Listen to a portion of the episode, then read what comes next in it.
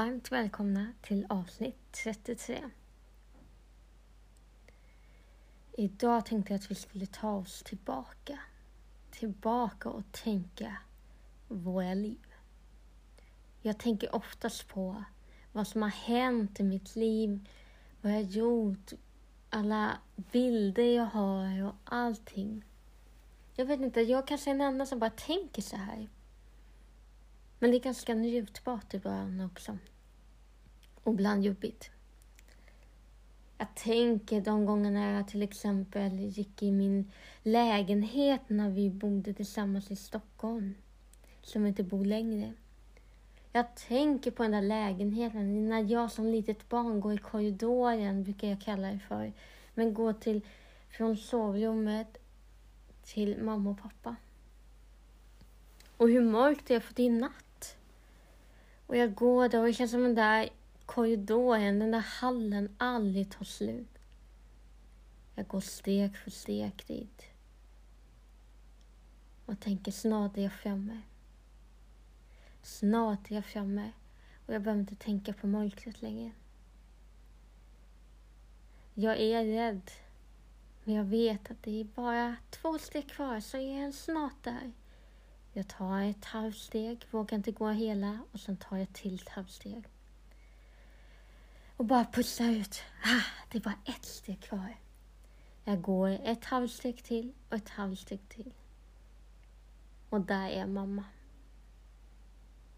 Där är hon med öppna famnen och frågar hur jag mår.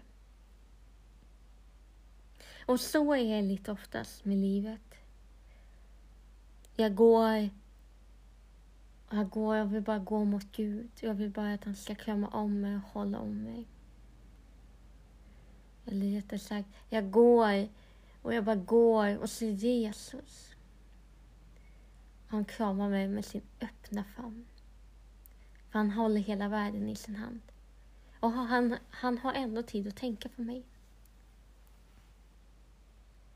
Eller den där gången när jag är på sjukhus när jag är van och bara är på sjukhus och sjukhus. Och jag kommer ihåg, jag har en bild framför mig. Jag har också en riktig bild. Men jag har en bild framför mig när jag ligger där på sjukhuset. Och hela min sjukhussäng är fullt med gosedjur som jag har fått. Jag är fem år och ligger där och är jättesjuk.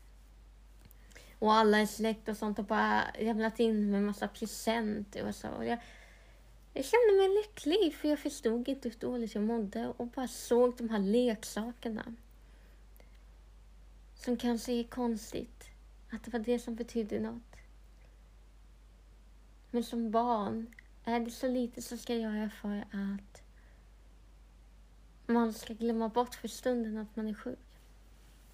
Jag minns så väl när jag går där och går dit och jag bara känner wow. Jag är inte ensam. Jag tror att Gud var där med och bara var där och skicka de här personerna för att göra lilla Paulina lite bättre. För Gud har verktyg. Så stora verktyg. Jag tänker på den där stunden när jag var hemma hos mig. Och så var min morfar på landet. Och jag gick i den där skogen mittemellan la, eller morfars hus och mitt hus. Och jag gick där och det var så härligt. Och sen hade han byggt en bro som jag skulle lättare kunna gå över. Och jag går över där och sen går jag in i morfars hus och han står och bakar. Det är blåbärspaj och det är sockerkaka och det bara luktar ljuvligt av det. Han bara är där och vill spela spel och vi skrattar tillsammans och har det så härligt. Den där grejen att bara kunna springa till morfar och bli omfamnad av honom. Och han kramar mig. Och jag känner mig trygg. För morfar var en trygg person. Och morfar som jag älskade Jesus. Nu är han där. Han får umgås med Jesus hur mycket som helst. För att han, han är i himlen. Men det där att få någon som omfamnar en, få någon som bryr sig, få någon som bara kramar om en och säger du är så välkommen till mig. Du är älskad. Tänk den grejen. Det finns så mycket minnen som man bara förstår och ser de här liknelserna faktiskt vem Gud är och vad han gör. Vad är det när man är i kyrkan? Och kyrkan var ju den bästa platsen. Och man älskade att gå till kyrkan och det var alltid så trevligt. Och just den där Få se vi samlade i kyrksalen och sen i söndagsskolan. Och alla går ner till sina platser. Det är en stor samling för oss barn och sen går man, beroende på vilken ålder man är, till olika rum och har sina föreläsningar tänkte jag säga, men sin söndagsskola. Och när man har lyssnat på det här fantastiska och Guds ord, när man har läst Bibeln. Vi hade till exempel en sån här seriebibel, jag vet inte om det är någon som har hört det, men det finns en seriebibel som vi läste, en jättebra grej.